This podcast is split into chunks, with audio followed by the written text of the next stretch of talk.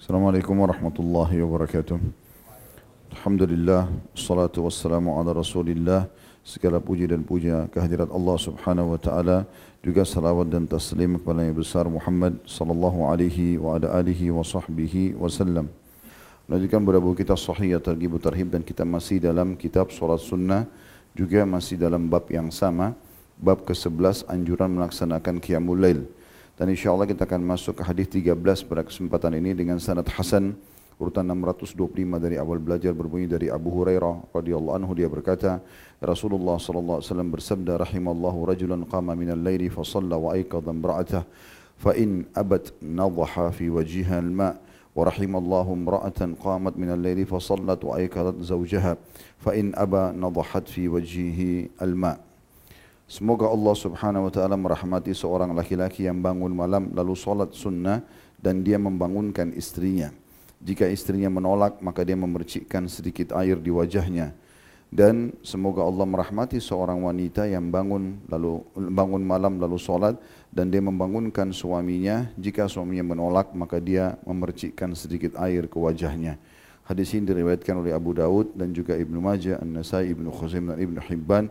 Juga Al-Hakim menyebutkan dan mengatakan sahih berdasarkan syarat Imam Muslim. Riwayat yang selanjutnya, yang ke-14 agak mirip, kita bacakan sekaligus dengan sanad yang sahih urutan 626 dari awal belajar berbunyi dari Abu Hurairah radhiyallahu anhu dan Abu Sa'id Al-Khudri radhiyallahu anhu.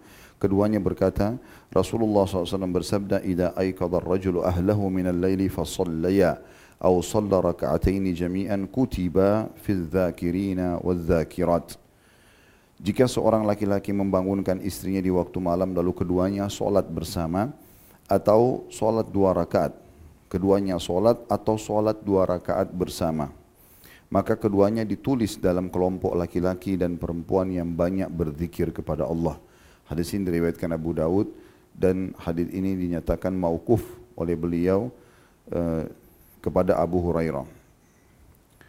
Kemudian diriwayatkan juga oleh An-Nasai, Ibnu Majah, Ibnu Hibban dalam Sahih dan Al-Hakim lafaz-lafaz yang mirip. Al-laili wa aykadha ahla fa sallaya rak'atayn zada An-Nasai jami'a kutiba min adh-dhakirin Allah katsiran wa dhakirat. Barang siapa yang bangun malam dan membangunkan istrinya lalu keduanya solat dua rakaat, An-Nasai menambahkan bersama maka keduanya ditulis dalam golongan laki-laki dan perempuan yang banyak berzikir kepada Allah. Dan Al-Hakim mengatakan hadis ini sahih berdasarkan syarat syaikhan. Dari tiga buah riwayat yang sudah kita bacakan teman-teman sekalian, yang pertama adanya anjuran untuk sholat malam dan saling dukung-mendukung untuk mengerjakan sholat malam ini sesama anggota keluarga, terutama suami istri yang sudah masyhur dan semua orang tahu mereka tetangga bantal. Artinya orang yang paling dekat dengan suami adalah istrinya, yang paling dekat dengan istrinya adalah suaminya dan dianjurkan agar mereka bersama-sama mengerjakan ibadah. Ini berarti ada poin penting bahwasanya setiap suami istri harus saling mengingatkan, tidak nafsi-nafsi sendiri-sendiri. Berapa banyak suami yang sibuk dengan puasa Senin Kamis, dengan sholat malam, dengan zikir pagi petang, dengan membaca tilawah Al-Quran, dengan sibuk mendengarkan ta'lim, tapi membiarkan istrinya sama sekali tidak tersentuh dari sisi itu. Tidak pernah mengajaknya bersama. Atau berapa banyak sebaliknya, istri yang sibuk dengan zikir pagi petangnya, dengan sholat malamnya, baca Qur'annya, mendengarkan pengajiannya, tapi suaminya dibiarkan tidak pernah sama sekali tersentuh dari sisi itu. Dan ini akhirnya terjadi pertikaian-pertikaian yang tidak diinginkan dalam rumah tangga. Hadis ini memberikan pelajaran kepada kita bahwasanya pentingnya mengerjakan sholat malam dan dikerjakan secara bersama-sama. Dan ini berarti menandakan adanya keromantisan dalam rumah tangga dalam hal ibadah karena banyak orang muslim membangun rumah tangganya di atas panduan daripada rumah tangga orang-orang non-muslim. Mereka anggap keromantisan itu hanya sekedar pergi jalan-jalan rekreasi, foto-foto, pergi ke pinggir pantai dan seterusnya. Mereka tidak pernah berpikir bahwasanya keromantisan sebenarnya adalah pada saat keduanya bisa bersama-sama ibadah.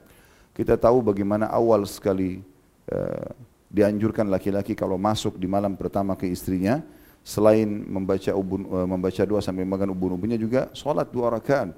Bahkan anjurannya sebagian ulama mengatakan keduanya solat bersama. Niat solat tetawu, solat tambahan, ya, pendekatan diri kepada Allah SWT. Memulai itu sebelum biologis. Ini menandakan memang ada anjuran untuk selalu bersama-sama dalam hal ibadah dan ketaatan kepada Allah. Dan mereka, para istri ini adalah orang yang paling pantas untuk kita ajak bersama-sama dalam mengerjakan ibadah tersebut. Kemudian pelajaran yang kedua, bolehnya sholat malam dikerjakan secara berjamaah.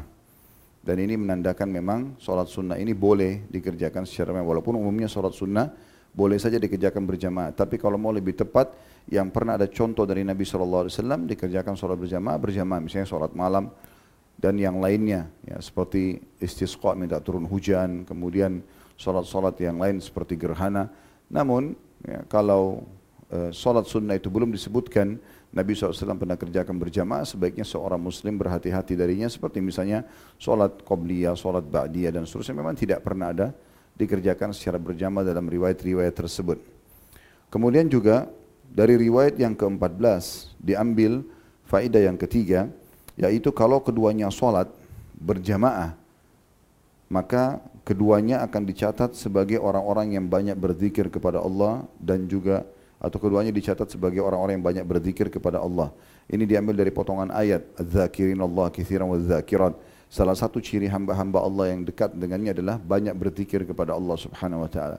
Mungkin dalam keseharian tidak semua waktu kita gunakan berzikir, tapi Allah mudahkan bagi suami istri ini bisa mendapatkan keutamaan dari ayat ini. Artinya dicatat sebagai orang yang banyak berzikir kepada Allah. Hampir setiap kegiatannya terisi dengan zikrullah. Ini tidak semua orang bisa lakukan. Tapi bagi suami istri Allah berikan kemudahan, yaitu dengan syarat itu saja. Bangunkan pasangan kita, ajak sama-sama sholat malam. Kalau keduanya sholat bersama, berjamaah, maka dipastikan akan dicatat pada hari itu di buku amalnya termasuk orang yang banyak berzikir kepada Allah Subhanahu wa taala. Semua bisa diambil faedah daripada apa yang kita sampaikan tadi. Subhanakallahumma bihamdika asyhadu an la ilaha illa anta astaghfiruka wa atubu ilaik. Assalamualaikum warahmatullahi wabarakatuh.